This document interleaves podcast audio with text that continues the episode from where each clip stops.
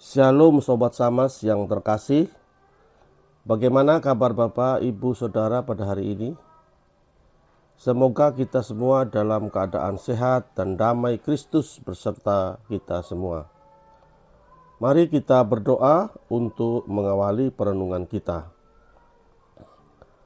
Bapa di surga, kami bersyukur untuk keberadaan kami sampai saat ini.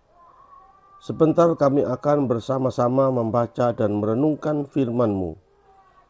Kami mohon kiranya Tuhan menuntun kami dan memberi kami hikmat agar kami dapat memahami dan melakukan firman-Mu itu. Di dalam nama Tuhan Yesus kami berdoa dan memohon. Amin. Sobat Sames yang terkasih, Tema kita hari ini adalah peranku sebagai orang Kristen dalam politik. Di manakah kita berperan secara nyata dan secara politis? Tentu saja di tempat tinggal kita masing-masing. Kita bisa berperan dalam berbagai hal yang bersifat sosial kemasyarakatan sebagai orang Kristen, kita, kita bisa berperan dalam bentuk bekerja sama secara sosial di lingkungan kita untuk kepentingan bersama. Secara konkret misalnya, saya menjadi pengurus kampung. Terlibat secara nyata dalam kegiatan lingkungan kampung seperti kerja bakti atau kegiatan yang sejenisnya. Itulah peran nyata kita yang spesifik secara politis. Jangan sampai kita menjadi batu sandungan karena kita terlalu eksklusif. Ini adalah suatu tanggung jawab yang mau atau tidak mau harus kita lakukan di mana pun kita berada sebagai warga negara. Itulah peran yang harus kita lakukan sebagai orang Kristen dalam masyarakat Indonesia yang majemuk ini.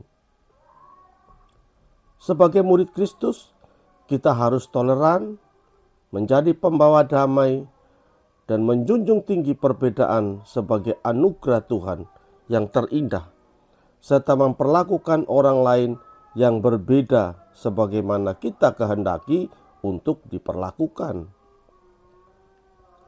Kalau kita berbicara secara lebih luas sebagai warga negara, maka kita harus menjadi warga negara Indonesia yang bertanggung jawab secara hukum dengan menunjukkan kepatuhan dan bertanggung jawab berkaitan dengan hak dan kewajiban kita sebagai warga negara.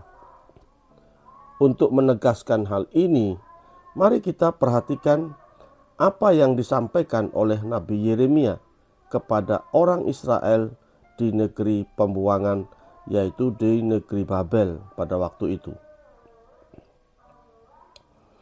Yeremia 29 ayat 7 berbunyi demikian. Usahakanlah kesejahteraan kota ke mana kamu aku buang. Dan berdoalah untuk kota itu kepada Tuhan. Sebab kesejahteraannya adalah kesejahteraanmu. Sobat Samas yang terkasih, paling tidak ada tiga pesan Tuhan yang disampaikan Nabi Yeremia kepada orang Israel sebagai tawanan atau warga negara asing di kerajaan Babel pada waktu itu. Pertama, orang Israel harus berusaha atau bekerja.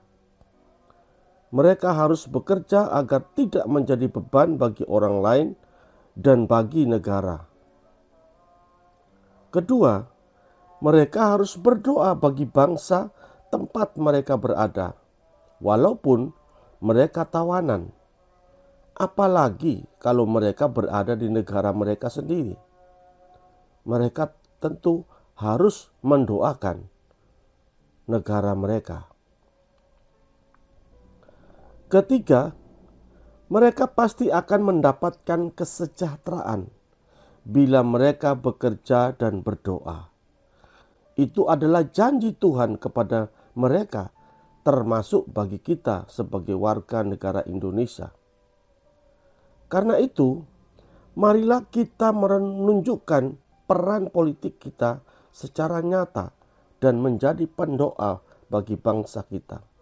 Bangsa Indonesia tercinta, terutama sebentar lagi kita akan menyalurkan hak politik kita sebagai warga negara dengan memberikan suara kita dalam pemilu 14 Februari 2024 demi kesejahteraan bangsa dan kesejahteraan kita.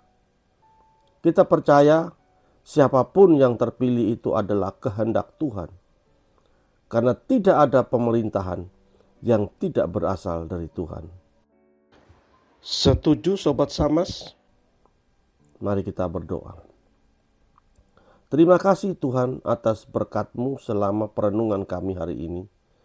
Kiranya apa yang sudah kami renungkan menjadi panduan kami untuk hidup sebagai warga negara yang baik dan bertanggung jawab.